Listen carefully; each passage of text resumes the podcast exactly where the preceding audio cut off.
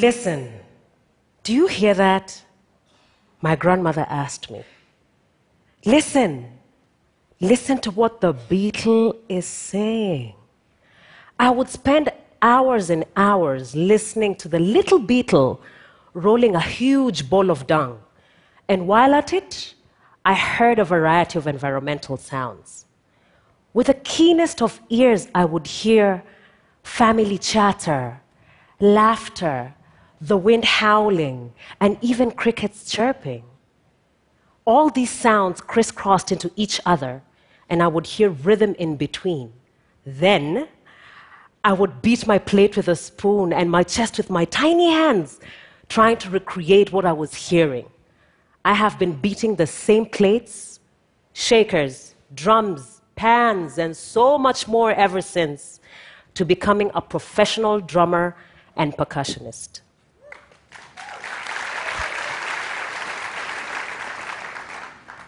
As I grew up subconsciously, I felt a strong urge to hide my newfound hobby. Even without it being said out loud, I knew that somehow it was wrong to do what I was doing. In most of the ceremonies, I noticed that most of the women and girls were not in sight. But when they were, I noticed that they would wear their dancing skirts and you know, shake their waists off, singing, clapping, ululating, while the men filled up the rhythm section. A few years later, I came to understand what tradition and culture meant and what was considered taboo or otherwise. In majority of the African cultures, women have been forbidden to play drums and percussion for a very long time.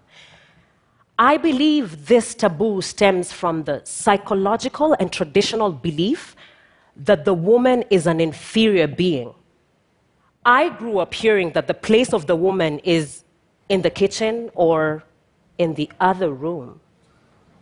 Mm-hmm. Women had been brainwashed and led on for so long until we had fallen victims and actually started believing in this ourselves. This, coupled with the lack of interest to educate women, played a major, major role in etching this into our minds. The sounds of the drum provoke emotion and movement. Essentially, the drum is a very sensual instrument. Once at a festival, a man asked me how I dared put a drum in between my legs. I have been considered loose and dirty for playing an instrument. I have repeatedly been questioned why I would choose to play drums instead of practicing journalism, which I studied for my undergraduate, which has been termed more decent. The sight of a woman playing drums enfeebles her makes her less feminine, less desirable, but all this optimally puts her on a lower social stand.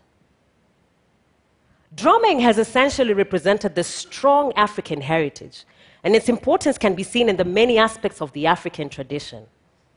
Many communities encompass drumming in their day to day activities and still do up to date, from childbirths to initiation ceremonies, welcoming ceremonies, marriages, and even burials. However, this same drum is disappearing very fast from the music scene, and the traditional genre is losing its popularity very quickly amongst the people. Inspired by the need to preserve this culture, I am teaching the significance and the importance of the drum to young boys, women, and girls. In my journey as a percussion teacher, I have realized that very many women actually want to play the drum, but at the same time, they fear it. Some fear how society will perceive them, others fear the physical pain that comes with playing. Oh, yes, it's not that easy. Some because the spouses don't approve of them, and others generally fear the responsibility of being a bearer of culture.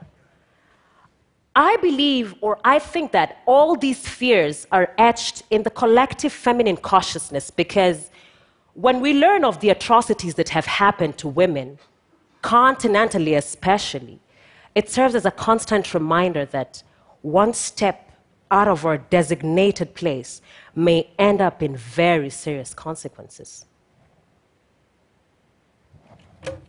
Well, I use my drum to tell my story and my people's stories. My roots shaped me, and my culture is here to stay with me. Women can be custodians of culture too. We're born to bring forth life, to nurture it. We can definitely preserve our traditions very, very excellently. My drum and I, we're here to stay.